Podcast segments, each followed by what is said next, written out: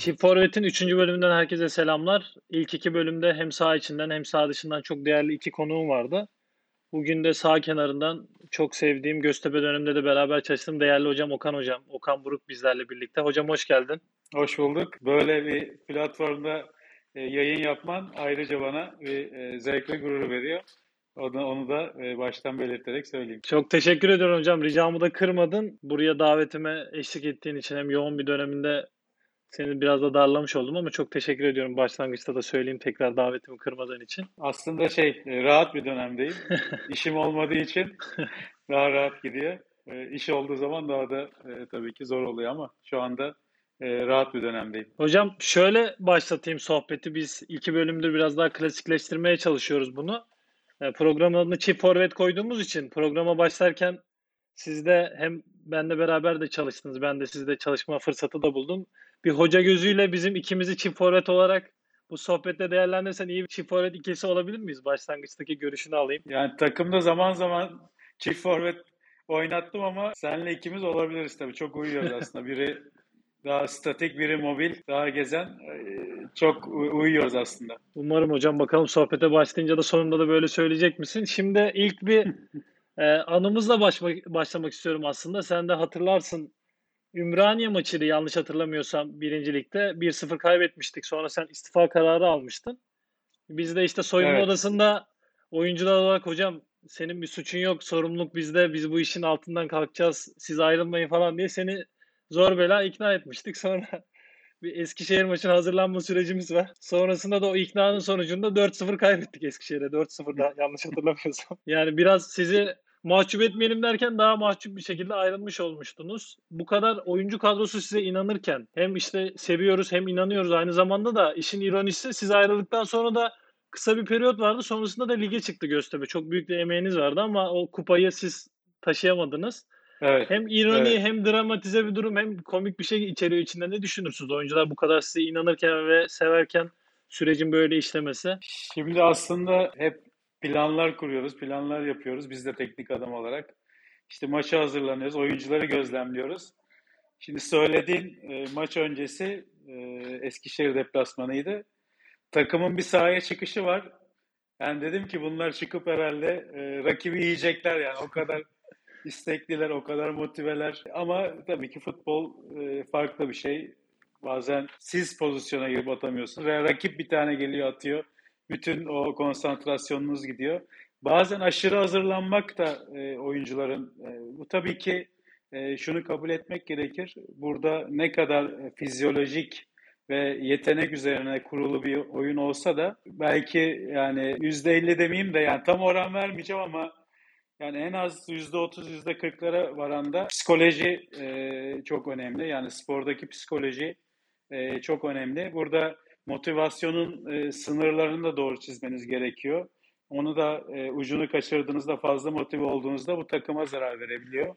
Bunu çok şey net görebiliyoruz aslında spor e, psikolojisi içerisinde. Bunun belki gerçekten analiz eden insanlar da vardır. Bir sürü veri verebilirler ama benim gördüğüm mesela aynı takıma devamlı gol atan oyuncular vardır. Yani o takıma karşı hep gol atarlar. Çünkü evet. maçtan önce o takıma gol atacağına inanırlar. Onun dışında hep aynı takım yen, yenen tak, e, takımlar vardır. O takıma karşı. Aynı hocayı yenen hocalar vardır. Yani o hoca öbür hocaya kaybetmez. Yani burada sporun içerisinde e, ne kadar çok psikolojinin de yerinin olduğunu altını çizmek gerekiyor. Yani aslında kafanızda yaşadıklarınızı o hafta, ondan sonraki haftalarda sahaya da e, yansıttığınızda olumlu veya olumsuz e, sonuçlar alabiliyorsunuz. Bu e, biraz onu hatırlattı bana.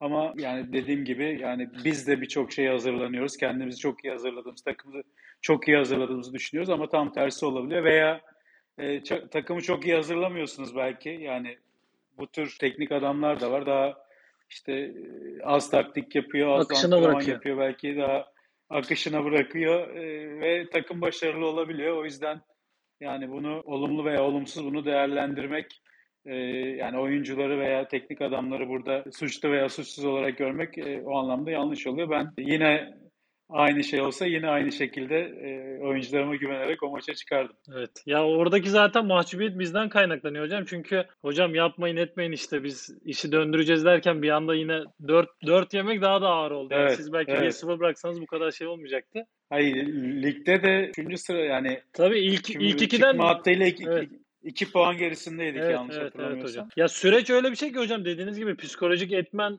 siz aslında ayrılmasanız belki orada 4 yedik ama sonunda yine biz lige çıkacaktık ama belki de orada siz hem mental olarak hem takımı bir rahatlatma adına öyle bir hamle yapmanız gerekti. Evet. Neticede lige çıkma oldu ama siz dahil değildiniz. Gerçi sonrasında sizin adınıza da çok parlak gitti. Her işte bir hayır vardır. Yani Aynen. ben buna inanan bir insanım. Bunun üzerine yani e, bazen aldığımız kararlarda, e, başımıza gelen olaylarda e, bunu kabullenen bir insanım. Yani dediğin gibi ben o sene Göztepe'den erken çıktım Süper Lig'e. Aynen. Yani Göztepe ile Süper Lig'e çıkayım derken Göztepe'den ayrıldım. Bir gün sonra Akhisar'a imza attım. Ve e, inanılmaz da yani son e, 9 maç kala Akhisar'a gittim. 7 galibiyet aldık. Son maç hatta biraz böyle hadi daha az oynayan oyuncularla Rotasyon. falan çıktık. Yani benim benim açımdan e, gerçekten e, yani belki o hayırsız gözükse de bir anda Süper Lig'e daha erken çıkan Göztepe'den 9 hafta erken çıkan Aynen. bir Okan Buruk oldu. E, her işte bir ayrı vardır. Yani sizin orada e, tabii ki sizin de bir emeğiniz var benim kariyerimde. Mahcup olacağımız bir durum yok hocam. Sizin adınıza da iyi olduğu için. Aynen. Tekrar Aynen. anınca güzel olduğunu hatırladım. Şöyle bir şey var hocam bir de ekstra o maçla ilgili aklımda kalan bir şey. O hafta belki hatırlıyorsundur. Üçlü savunma denemiştik. Normalde sezon hazırlığında da çok denemedik. Genelde de dörtlü savunma Evet. oynadık. O maç Eskişehir maçına özel bir üçlü savunma denememiz olmuştu. Milli, Milli ara vardı. arasıydı. Aynen. Ve idmanlarda da süper çıkmıştı hocam aslında böyle savunma yerleşimimiz. Evet, 10 günlük 10 günlük çalışma süremiz vardı. İyi de çalıştık aslında gerçekten. Aynen. Yani ben de ilk defa e, üçlü oynadım o maçta ve hafta içi çok iyi çıktı her şey. Yani Aynen. savunma, hücum bayağı e, her şey çok yolunda gitti ama maçta Bir duran Ee, topla başlayınca hocam kabul- olmadı. evet kabul etmeyen oyuncular da oldu yani o şeyi. Ha. E, yani dörtlüye e, alışkın, üçlüyü oynamamış e, oyuncular da bazen özellikle kanatlardaki oyuncular bazen kararsız kaldı. Evet İşte ekstra şey basayım mı, geriye mi kaçayım? Hani dörtlüdeki gibi. E, orada tabii e, yani bu işte e, hem kaliteli hem zeki oyunculara Kesin. yer var. Bazen yani çok zeki oyuncunuz olmayınca e, her şeyi de deneyemiyorsunuz. Yani burada ne kadar yetenek varsa e, onun yanında saha içi özellikle değişimlerde statik bir oyun içerisinde tamam herkes görevini yapıyor ama daha fazlasını istediğinizde bunu e, yani dörtlü savunmada da aynı şekilde yani oyun içi rotasyonlarda, bölgesel rotasyonlarda e, oyuncuların zekasına da ihtiyaç var. Yani hangi alanı boşaltacağım, Pozisyon hangi bilgisi de çok gireceğim? gerekiyor. Yani pozisyon bilgisi ve işte orada yani e, rakibe göre de sizin yerleşiminiz çok önem kazanıyor. Hı Yani rakibin olduğu yerde değil de veya rakibi çekerek arkadaşınız alan yaratmanız oralardan. Çünkü e, ben özellikle son dönemlerde yani daha e, önde hücum anlamında hücum eden takımlarda çalıştığım için yani orada özellikle kapanan takımlara karşı e, oyuncuların zekaları, hareketlilikleri daha Hareketlilik en önemlisi yüzden- aynen alan açmak için. Evet yani zeki zeki oyuncu yani daha az yetenekli bazen ama daha zeki oyuncu daha çok iş yapıyor takımlar için. Kesin hocam. Ya burada aslında orada değinmek istediğim bir konu daha şey vardı. Haftalık Avrupa'da birçok örneğini görüyoruz böyle rakibe göre haftalık sistem formasyon değişiklikleri o- uygulayan çok fazla hoca oluyor ama burada bizim örnekten gidersek şimdi 10 günde antrenmanlarda çok iyi geçti ama işte bir duran top golüyle takım bir anda o üçlü çalıştığımız her şeyi unutup Evet. bir anda panik havasına kapılıp her şeyi kaybedebiliyor. O yüzden buradaki haftalık taktik geçişlerini hocam yapabilmek herhalde çok kolay değil. Bayağı bir hazırlık süreci gere- gerektiriyor genel olarak bakarsak. Ya e, birincisi oyuncu tiplemesi önemli orada. Yani özellikle üçlü savunma oynuyorsanız oyuncu tiplemesi önemli. Yoksa ha, e, defansif anlamda üçlü savunma oynamak çok kolay. Yani beşli oynamak çok kolay. Hı hı. İşte 5 yerleşiyorsunuz. Artık önüne işte 4 mü koyuyorsunuz, 3-2 mi koyuyorsunuz, 4-1 mi koyuyorsunuz? Defansif anlamda bekleyen takımlar için bu oyun kolay oluyor bazen. Yani gol yememek için oynuyorsunuz. Bu kolay ama ofansif anlamda e, oynamak istiyorsanız burada bu oyuna uygun oyuncuların özellikle e, savunma bölgesindeki oyuncuların buna çok arkadaki üçlünün çok uygun olması lazım. Kenar e, beklerinin çok uygun olması gerekiyor. Önde de hem kaliteli hem akıllı oyunculara ihtiyaç oluyor. O yüzden e, bu ko- değişiklikler kolay değil. Yani birden değiştirmek de kolay değil ama özellikle sezon başında bütün sistemler üzerinden deneyerek geçebiliyorsanız özellikle hazırlık maçlarında bu işinizi biraz daha kolaylaştırır. Çünkü bazen mecbur kalıyorsunuz sezon içerisinde de yani sakatlıklar oluyor, eksiklikler oluyor. Oyun içerisinde değişiklikler olabiliyor bazen. İşte e, öndeyken e, dizilişi değiştirebiliyorsunuz veya gerideyken dizilişi değiştirebiliyorsunuz. Yani şu e, bir gerçek bizim için, teknik adamlar için. Yani bunu kafamıza yerleştirmemiz gerekiyor. Çalışmadığınız hiçbir şeyi oyuncularınızdan istemeyin. İstemez. Yani çalışmadığınız bir şeyi oyuncularınızdan istediğinizde onlar yapamadığında e, burada e, hiçbir şey söyleme hakkınız olmuyor. O yüzden ne çalışıyorsunuz, ne kadar çalışıyorsanız o kadar oyuncularınızdan isteme hakkınız var. Kesin hocam. Peki sonraki süreci de oraya sen biraz giriş yapmıştın da hocam oradan devam edersek aslında işte Akhisar, Rize, son Başakşehir dönemi birbirinden farklı profiller olarak bakabiliriz aslında takımlar ama hepsinde bir aşama aşama büyük bir başarıya doğru giden bir yol var ve oynanan oyunda farklı profillerdeki takımlar da olsa sizin kendinize has işte o biraz daha hücumu ve baskıyı yönlendiren bir oyun anlayışınız vardı. Yani ben kendim çalıştığım için de biliyorum. Evet. İşte Rize'de düşme hattındayken, Akisar'da düşme hattındayken kaydedilen aşama ve işte Akisar'da sonunda kupaya ulaştınız. Başakşehir'den bu oyun biraz daha beklenebilir ama sonuçta şampiyonluk çok beklenen bir süreç değil. Evet. Şampiyonluğa ulaştınız. Buradaki şeye bakınca Rize, hocam... Rize, Rize'dekini bile böyle yarı bir kupa olarak değerlendiriyorum. Yani kesin, 11 kesin. puanla ilk yarıyı kapatmış Tabii. bir takım. Yani neredeyse Avrupa Kupası'na katılıyorduk. O da hani yarı böyle bir kupa olarak değerlendiriyorum. Tabii tabii hocam yani sonuca ulaşma anlamında dediğim gibi çok farklı profillerde büyük başarılar aslında. Benim de büyük başarı olarak gördüğüm süreçler. Burada sormak istediğim hocam bizim Avrupa'da işte Klopp işte oyun tarzı, Guardiola oyun tarzı diye böyle kalıplaşmış evet. şeylerin içinde gidiyoruz. Şimdi Türkiye'de de bakınca sizin gözünüzden bir teknik direktör olarak gittiğiniz takımın kendine has bir felsefesi mi oluyor yoksa siz gittiğinizde ben az çok biliyorum ya burada dinleyenler için kendi oyunumu evet. yansıtabileceğim doğru profilleri bulmak mı daha değerli? Hoca kendi oyununu mu oynatmak ister? Benim için ilk planda tabii ki çalıştığınız takım kadro çok önemli. Kadro kalitesi, e, nereye oynuyorsunuz bunların hepsi tabii ki çok önemli ama ne olursa olsun, hangi takım olursa olsun dominant bir oyun oynatmak istiyorum bir kere. Yani ki Rize'de de onu yaptınız hocam. Araya girdim ama Rize'de de onu yaptınız. Evet. Yani. Ben karşılaşmış evet, evet. takım yani olarak da biliyorum. Do- doğru oyuncuları e, ikinci yarı kadromuza kattık. O istediğimiz oyunu ortaya çıkarttık. Orada daha e, önde oynayan, rakip kaleye yakın oynayan, hem baskılı oyun. Yani benim e, özellikle bu e, tabii ki yani kendi futbolculuğumdan gelen belki, belki kendi altyapımdan, Galatasaray altyapısında başladığım dönemden Galatasaray'da ilk e, oynadığım yıllara e, da oynadığımız oyun yani hep baskılı, dominant bir oyun hep oynadık. Burada yetenekli oyuncular önemli. Özellikle hücum bölgesinde çoğalmak önemli. Yani bu oyuncuları, doğru oyuncuları orada yerleştirebildiğinizde ve özellikle yani tabii ki yani güncel e, futbolda herkesin aslında bildiği şeyler işte topa sahip olma, işte geçişler tabii ki bazı takımlar için dediğim gibi yani üçüncü bölge baskıları, e, üçüncü bölgede daha çok baskı yapan takımlar. Bunu özellikle son yıllarda mesela Avusturya'da bu özellikle e, Red Bull'un hem Avusturya'daki hem Almanya'da takımlarında özellikle çok net hı hı. görüyorsunuz. Yani üçüncü bölge e, baskıyı çok ön plana çıkan Almanya'da da bunu görüyoruz. Premier Lig ve şey daha değişik tabii ki. E, kalite arttıkça çünkü Almanya, Avusturya'da bütün takımlar kaliteli değil. E, evet. Kaliteli olan takım daha önde oynayabiliyor. Bunu Türkiye'ye de uyarlayabiliriz aslında. Yani aslında Türkiye'deki e, özellikle e, şampiyonla oynayan takımların daha önde oynaması, rakiplere e, daha doğru yerlerde baskı yapması çok önemli. Çünkü size karşı e, rakiplerin özellikle öne çıkarken yani yetenek anlamında tabii bunu analiz etmek gerekiyor. Bazı takımların çok yetenekli oyuncuları oluyor ama e, doğru analiz ettiğinizde Türkiye Ligi'nde de özellikle şampiyonlar oynayan takımların çok fazla e, özellikle e, üçüncü bölge baskısını doğru yapması gerekiyor. Rakibi çıkartmadığınızda e, geçişlerde de özellikle e, önde oynayan takımlar yani ben bu oyun hep istediğim oyun ama hep altını çiziyorum. Elinizde doğru oyuncular olması gerekiyor. Doğru oyuncular olmazsa sizin kafanızdaki oyun e, ortaya çıkmıyor. Belki bunu şöyle bağlayayım. Yıllar önce Schuster gelmişti Beşiktaş'a bilmiyorum. Sen hatırlar Hatırlıyorum, mısın? hatırlıyorum hocam, hatırlıyorum. Çok önde oynuyorlardı Yani ama çok ön- pozisyon veriyorlardı. çok önde oynuyordu ama her defans arkasına atılan top e, pozisyon oluyor. Pozisyon Çok oluyordu. gol yiyordu. Yani e, tabii ki bir oyun mantalitesi var ama e, burada doğru ve uygun oyuncuyu da bulmak çok önemli. Biraz da yani çünkü yeniden bir takıma gittiniz. Bütün takımı yeniden tasarlayamıyorsunuz. Yeni oyuncular seçemiyorsunuz.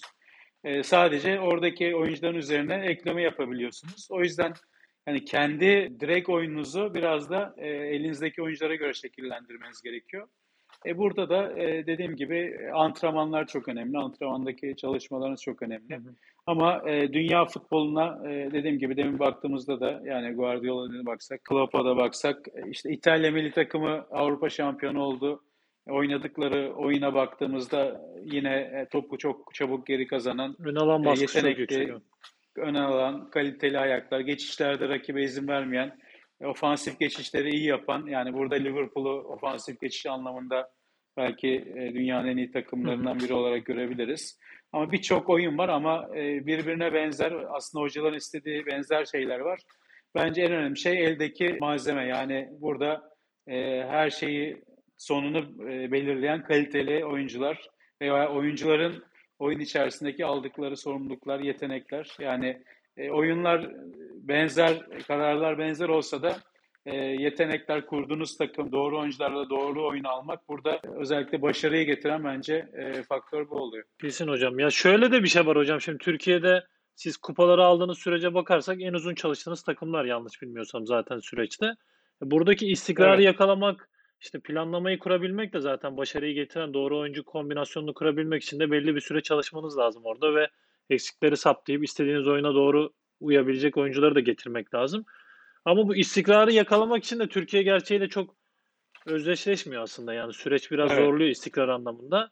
O anlamda ne söylersin? Yani başarının birinci formülü herhalde hocalar için o doğru istikrarlı, güvenli ortamı yakalamak sanırım. Evet, tabii ki istikrar önemli. Burada hocaların veya kulüplerin kararları e, bazen yani bazen hocaların da gerçekten hataları oluyor. E, onu da kabul. Yani sadece burada tek taraflı olarak bakmamak lazım. Yani sadece kulüp başkanları, teknik adamları gönderiyor. Yani kolay gönderiyorlar mı? Kolay gönderiyorlar. Bu kesin ama burada tabii ki e, biz de kendimizi sorgulamamız gerekiyor. Yani biz de zaman zaman hatayı nerede yaptığımızı e, sorgulamamız gerekiyor.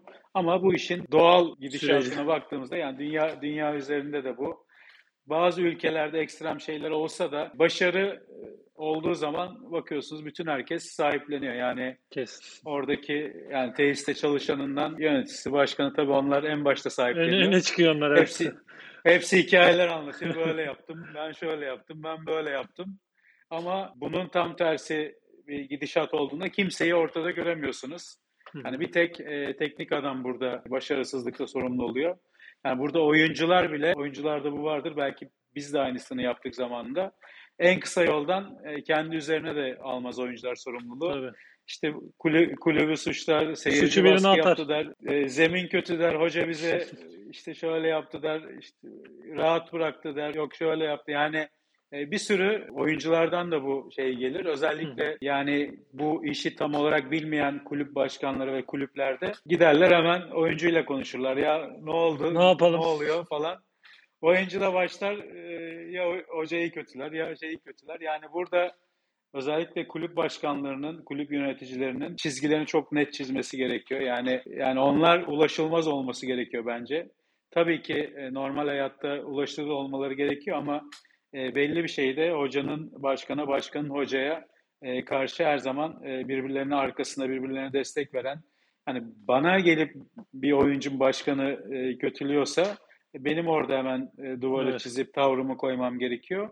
Başkanla gidip bir e, oyuncu hocayı kötülüyorsa başkanın da aynı şekilde bu duvarı çizmesi e, koyması gerekiyor ama bunun tabii ki yani dediğim gibi bizdeki yönetici profilleri bu anlamda çok değişiyor. E, Değişken kulüplerde özellikle yönetimler değişiyor, başkanlar değişiyor.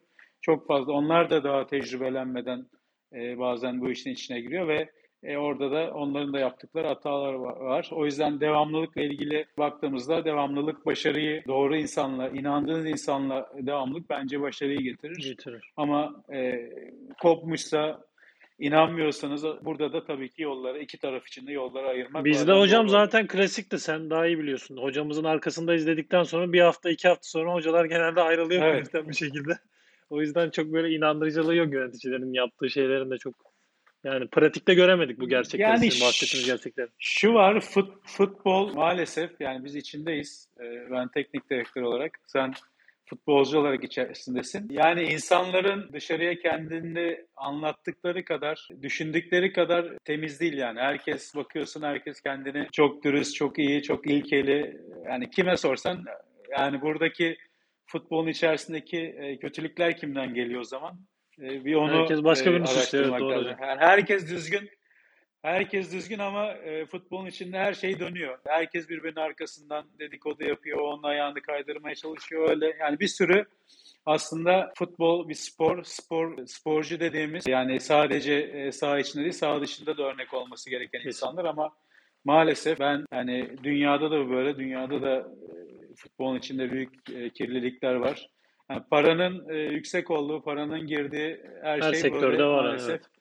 Yıpranıyor ama bizlerin yani bu işin içerisinde doğru olduğuna inanan insanların da e, bu oyunu, bu sporu ve e, saha içi saha dışı o kimliğimizi hep korumamız gerekiyor. İnsanları e, düzeltmemiz gerekiyor. Kesin hocam. Diğer bir yönden bakarsak da hocam şimdi siz uluslararası büyük bir kariyere sahipsiniz. Yurt dışında da işte Serie A gibi büyük bir ligde de oynadınız ve Türkiye'de de büyük takımlarda oynadınız. Onun dışında da hocalık olarak da Türkiye'de işte kupalarınız var biraz önce bahsettiğimiz büyük başarılar bunlar da. Şimdi yurt dışına açılan bir kapı var yerli oyuncular için. Türkiye'de 1-2 sene düzenli doğru performans Evet. gösteren özellikle genç oyuncular yurt dışına kapısı çok daha rahat gidebiliyorlar artık eskiye nazaran. Ama Türk hocalarımız için hocam sen- siz uluslararası bir profil olarak süreci nasıl değerlendirirsiniz? Siz Türkiye'de büyük başarılar elde ettiniz ve artık Türkiye'de gidebileceğiniz takımların kalibresi belli. Şampiyonluğa oynayan üst düzey takımlar biraz daha sizin artık seviyenize gelmiş oluyor. Yani en azından CV olarak. Ama Avrupa kapısı bir türlü bize açılmıyor. Sizin uluslararası deneyimleriniz de var. Buradaki bizim hocalarımızda kalan eksik ne? Gerekli lobi faaliyeti mi yok? İşte Evet. dil mevzu mu sıkıntı yoksa başka başka sebepler mi var size göre? Evet. Ya şöyle belki Türkiye'de bu bir dönem daha çok Türk hocalara yönelilmişti. Şimdi yine e, yabancı e, teknik adamlara e, daha çok yönelmeye başladı Hı hı. kulüplerimiz. Yani e, Türk teknik adamların e, Türkiye'de ezici bir aslında başarısı var. Yani bunu hem son 15 e, lig şampiyonunun Türk teknik direktörü olması hem milli takımdaki başarılarda sadece e, Türk teknik adamların e, başarıları e, aslında Türk teknik adamların kariyer ve yetenek olarak başarı olarak iyi bir yerde olduğunu gösteriyor. Bunun niye yurt dışına taşıyamıyor, taşıyamıyoruz? Ben özellikle yurt dışında çalışmayı çok isteyen e, bir teknik adam olarak bununla ilgili de çok açık biri olarak e, yani özellikle iyilikler yani burada tabii ki işte Fransa'sı, İtalya'sı, Almanya'sı İngiltere Premier Lig çok daha zor. Onu belki şeyin içine katmayayım. Hı hı. Ama yine İspanya, Almanya, İngiltere, e, İtalya, Fransa burada özellikle Türk teknik adamların aslında çalışabileceği, görev alabileceği e, takımlar var. Ama burada biraz da e, yine onlar da e, daha çok kendi bildikleri, özellikle e, işte Fransız daha çok Fransızla çalışmak istiyor. Hı hı. İtalya'da daha çok İtalyan hocaların çalıştığını görüyoruz. Almanya'da aynı şekilde işte Avusturya, Almanya'daki hocaların çalıştığını görüyoruz. Yani burada Türk teknik adamların açılması için bence benim gibi belki işte İtalya geçmişi, futbolculuk geçmişi olan biri belki İtalya'da bu anlamda avantaj sağlayabilir Evet, ama evet. E, gidi- gidip orada e, biraz da lokal olmanız gerekiyor. Yani orada da bir göz önünde olmanız, orada gözükmeniz, orada e, insanlara kendinizi tanıtmanız, yani teknik adam olarak tanıtmanız da gerekiyor. E, yani bu sadece oynadığınız oyunla olmuyor. Tabii ki oradaki insanlar da e, teknik adam seçerken birçok e, kritere bakıyor. O yüzden yani belki dediğim gibi bu anlamda zor gözükse de özellikle Türkiye Ligi'ndeki başarıdan çok Avrupa'da başarı yakalayabilirsek Avrupa kupalarında oynayan teknik adamların özellikle bu anlamda yurt dışına açılma şansları daha fazla. Onun dışında e, tabii ki yurt dışında takım olan dostlarımız, arkadaşlarımız var. Acun böyle bir takım aldı. E, orada tabii ki mesela Acun'un inandığı e, Türk teknik adamların çalışması, bu anlamda Türk teknik adamların yurt dışına açılması için iyi olacak. kapı olabilir, yani evet. evet yani bu önemli olacak. Yine Belçika'da Oktay Bey'in aldığı takım Westerlo sene var. Westerlo şeye çıktı, lige çıktı. Hı. Ee, orada tabii ki ileride Türk adamlar belki denenebilir. Yine Fortuna Sittard gibi e, bir Evet. takımımız var. Yani Türk sahipleri olan. E, Buralarda belki e, özellikle Türk adam Türk teknik adamların başlangıcı için e, değerlendirmeler yapılabilir ama onun dışında dediğim gibi biraz gidip yani İtalya, Fransa, Almanya yani Almanya'dan yetişen çok fazla e, şeyimiz İsim var. var. E, futbolu bırakmış, teknik adamlık yapan hocalarımız var. Onlar tabii ki Almanya'da bu anlamda biraz daha şansları olabilir. Burada hocam dediğin gibi ben şey konusunda çok katılıyorum aslında. Avrupa kupalarında gelen başarılarla beraber hocanın da hem takımla beraber kendi ismini duyurması da aslında çok büyük avantaj olabilir ama işte siz Başakşehir döneminde bu seviyede bir şeyler başarılar yakaladınız aslında ama genel sürece bakınca Evet. hem büyük takımlarımız hem diğer Anadolu takımlarımız Avrupa'ya giden siz de farkındasınızdır. Böyle makas gittikçe bizim Avrupa'yla muhatap olma makasımız Evet. çok açılıyor. Çünkü siz Türkiye'de en son uluslararası başarıları oyuncuyken yakalamış, en büyük uluslararası başarıları yakalamış isimlerden birisiniz.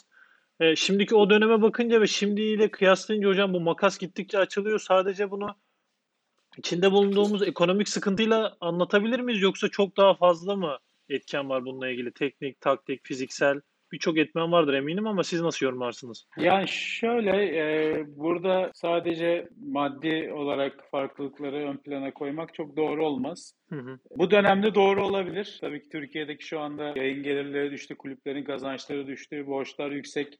Bu dönemde bence daha da zorlaştı Avrupa Evet. ile baş etmek ama yani şu 3-4 sene önceye gittiğimizde gelirlerin çok yüksek olduğu, kulüplerin çok önemli oyuncular Türkiye'ye getirdi. Yani 3 milyon 4 milyon euro bandında takımlarımızın maaş ödediği e, oyuncuları getirdiği yıllar var. Burada da tabii ki bu başarılar gelmedi. İlk e, şeyim benim özellikle e, burada Avrupa arenasına başlangıçta özellikle kadrolarımızı geç kuruyoruz. Özellikle ön elemelerde bunun sıkıntısını çok fazla yaşıyor kulüpler.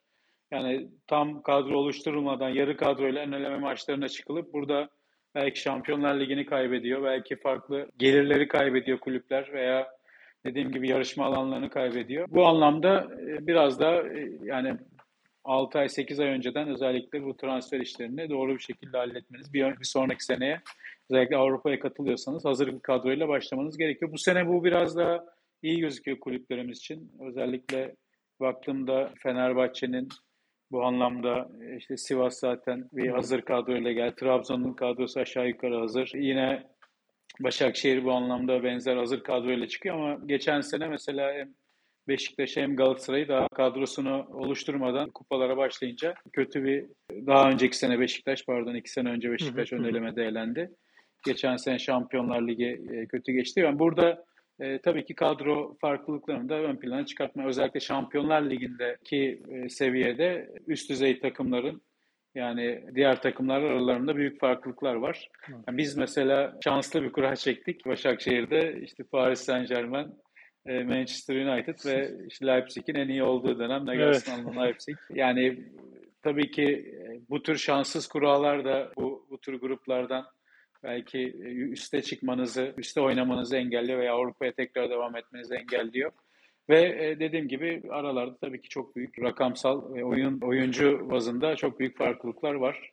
E buna tabii ki ben diğer etkenlerde yani işte e, ben antrenman olarak veya e, artık fiziksel olarak hem Türk oyuncuların hem Türkiye'ye gelen yabancı oyuncuların Hı. bu anlamda e, çok ileriye gittiğini düşünüyorum. Yani ben burada oyuncuların bilincinin çok fazla arttığını düşünüyorum. Eskisi gibi değil oyuncular çok bilinçli. E, benim son yıllarda gördüğüm oyuncular bu anlamda çalıştığım oyuncular çok e, bilinçli. Sen de onlardan birisin. Ve bu tabii ki profesyonellik yani bu profesyonellikte önce kendinizi bilmeniz, kendi eksiklerinizi bilmeniz ve kendinizi doğru bir şekilde e, oyuna, maça, antrenmana hazırlamanız gerekiyor. Burada bunun ileriye gittiğini görüyorum. Bu Türk futbolu açısından sevindirici.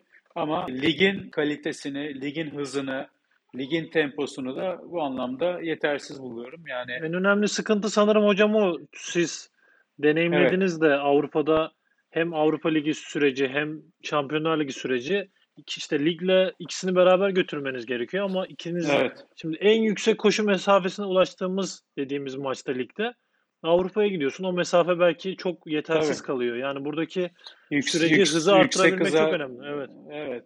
Yüksek hıza bakıyorsun, yüksek hızları karşılaştırıyorsun.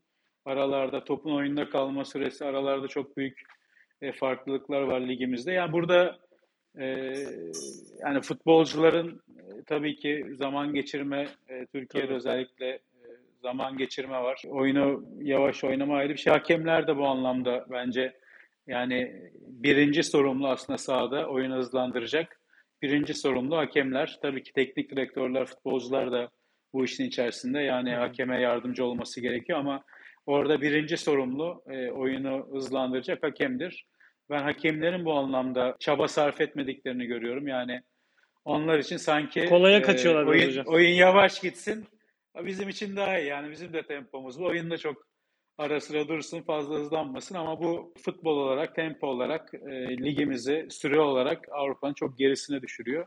O yüzden yani sadece hakemlere değil, oyunculara ve teknik adamlar da Hepimize düşüyor sorumluluk aslında. yani taşı e- elini taşın altına koyması gerekiyor. Hakemlerle birlikte yani hakemlere de yardımcı olmak gerekiyor. Yani sadece sadece hakemlere bunu bırakmak da e, doğru olmuyor ama e, tempo olarak da ligimizin yani ben Şampiyonlar Ligi e, maçı oynuyordum. Oyuncuların gerçekten yani 3 2 3 günde zor kendilerine 3 gün sonra Evet. zor kendilerine geliyorlar. Yani iki tane lig maçı oynasan kendilerine gelecekler ama Şampiyonlar Ligi artı üstüne lig oynadığında e, yenilenmeleri çok daha zor Yıpranma oluyordu. çok fazla oluyor evet. Tabii yani çok fazla sakatlık. Yani bir de ben Şampiyonlar Ligi'ne katıldığım sene ekstrem bir şey yaşadık. Bir sene öncenin pandemiden dolayı Ağustos Evet. ayına sarkması. Biz özellikle Başakşehir'le, Kopenhag'la e, lig bittikten Yarıda sonra kaldı.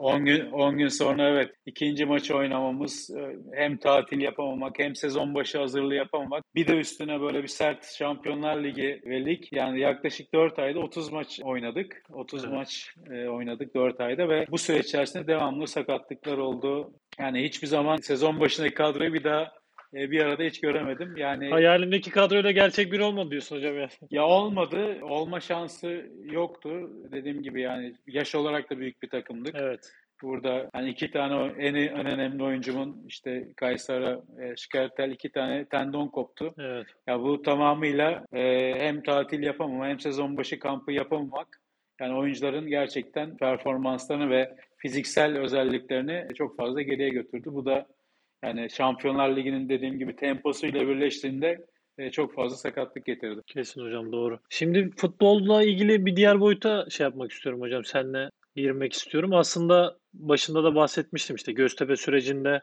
oynayan oynamayan bütün oyuncuların sizi sevmesi, ayrı bir iletişimimiz olması hepsiyle çok değerliydi.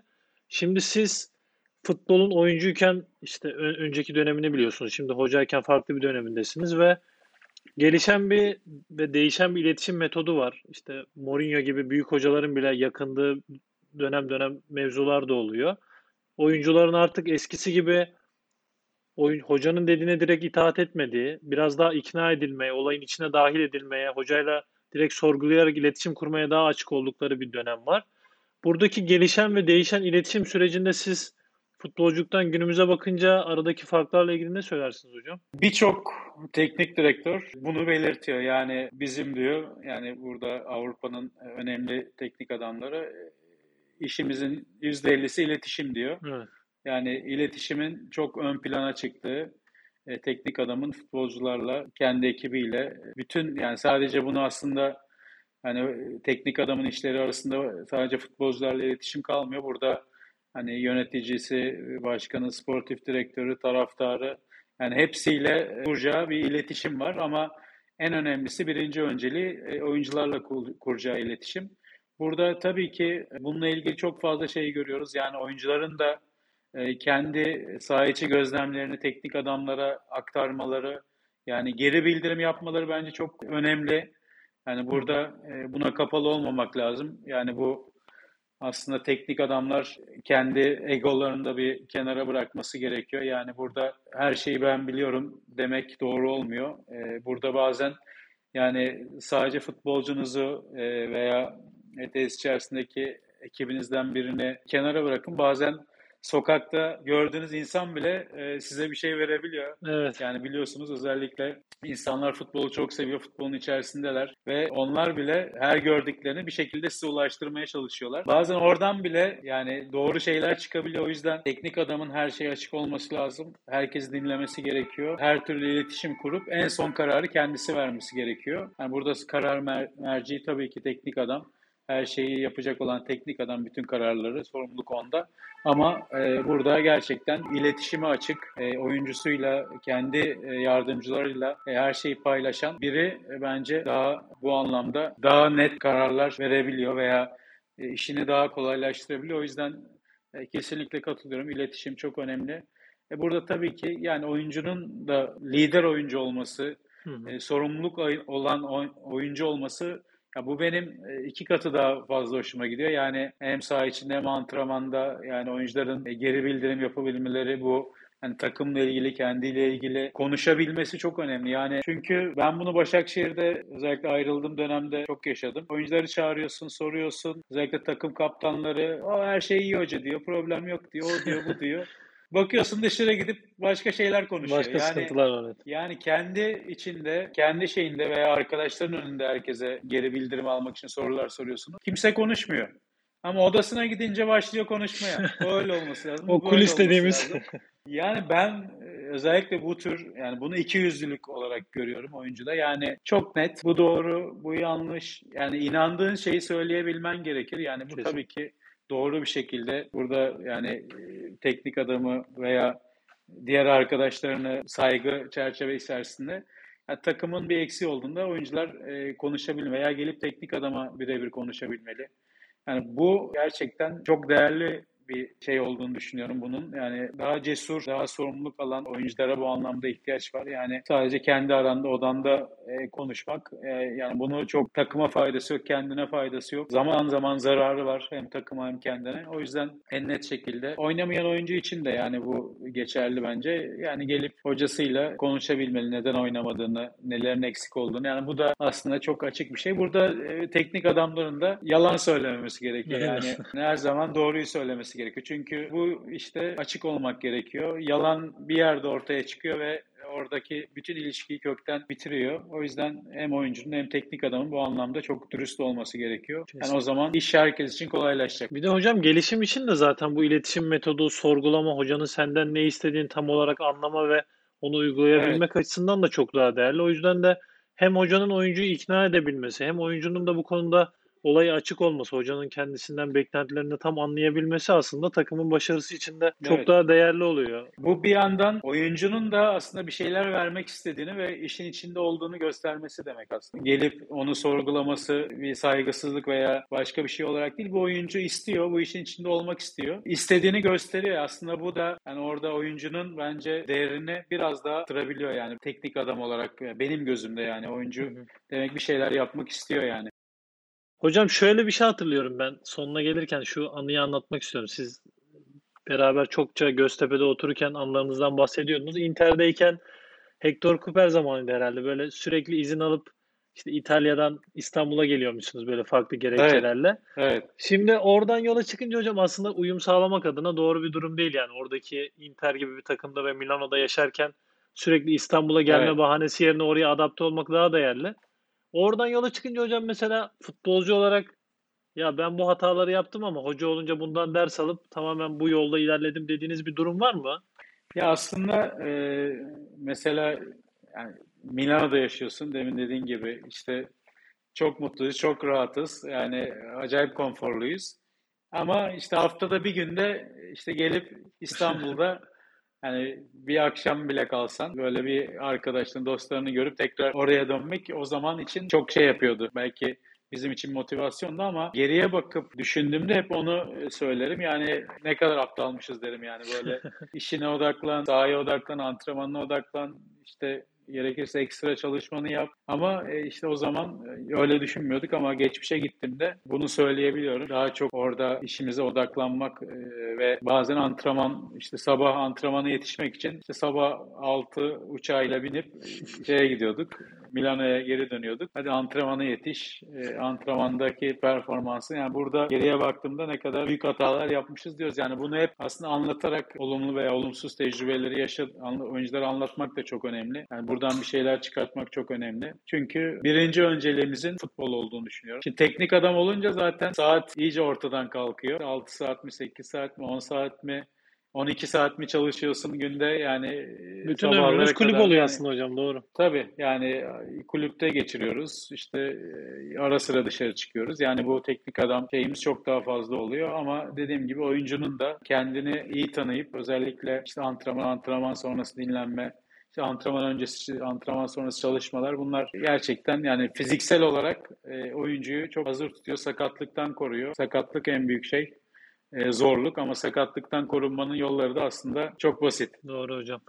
Hocam çok teşekkür ediyorum yani epey de bir uzun süreni aldın. Ee, tekrar böyle bir e, platforma hem davet ettim kırmadın hem de futbolun biraz daha ülkemizde özellikle pozitif bir iklimde gelişmesi için de böyle sohbetlerin daha çok olması gerektiğini düşünüyorum. O yüzden de Evet. Kırmadığın, katıldığın için çok teşekkür ediyorum sana. Ben ben seni tekrar tebrik edeyim. Aynı şekilde yani futbolun ve futbolcunun gelişimi için güzel bir yayın, güzel bir yol olduğunu düşünüyorum. Özellikle futbolcuların da birçok konuda ne kadar başarılı olduklarını ve ne kadar çok fazla şey yapabildiklerini de göstermek gerekiyor. Seni de bu anlamda tebrik etmek istiyorum. Yayınlarını her zamanki gibi dinleyerek devam edeceğiz. Çok teşekkür ederim hocam. Son bir soru sorayım o zaman. Şimdi başlangıçta iyi bir çift forvet olur muyuz demiştik. Siz de Evet. biz tamamlarız birbirimizi demiştiniz. Şimdi hoca Okan Buruk olarak biz 90 dakika sahada kalır mıyız yoksa bir rotasyona gider miyiz hocam? Bence kalırız. Yani Kalır yorulana hocam? kadar kalırız. Sen diyorsan Ben biraz hocam. erken yorulurum. Ben biraz erken yorulurum ama sen kalırsın. Tamam hocam çok çok memnun oldum o zaman. Çok tekrar teşekkür ediyorum. Ben teşekkür ederim Umut'cum. Dinleyen her, dinleyen herkese de şimdiden keyifli dinlemeler. İnşallah güzel bir sohbet olmuştur. Yeni bölümlerde görüşmek üzere. Herkese selamlar.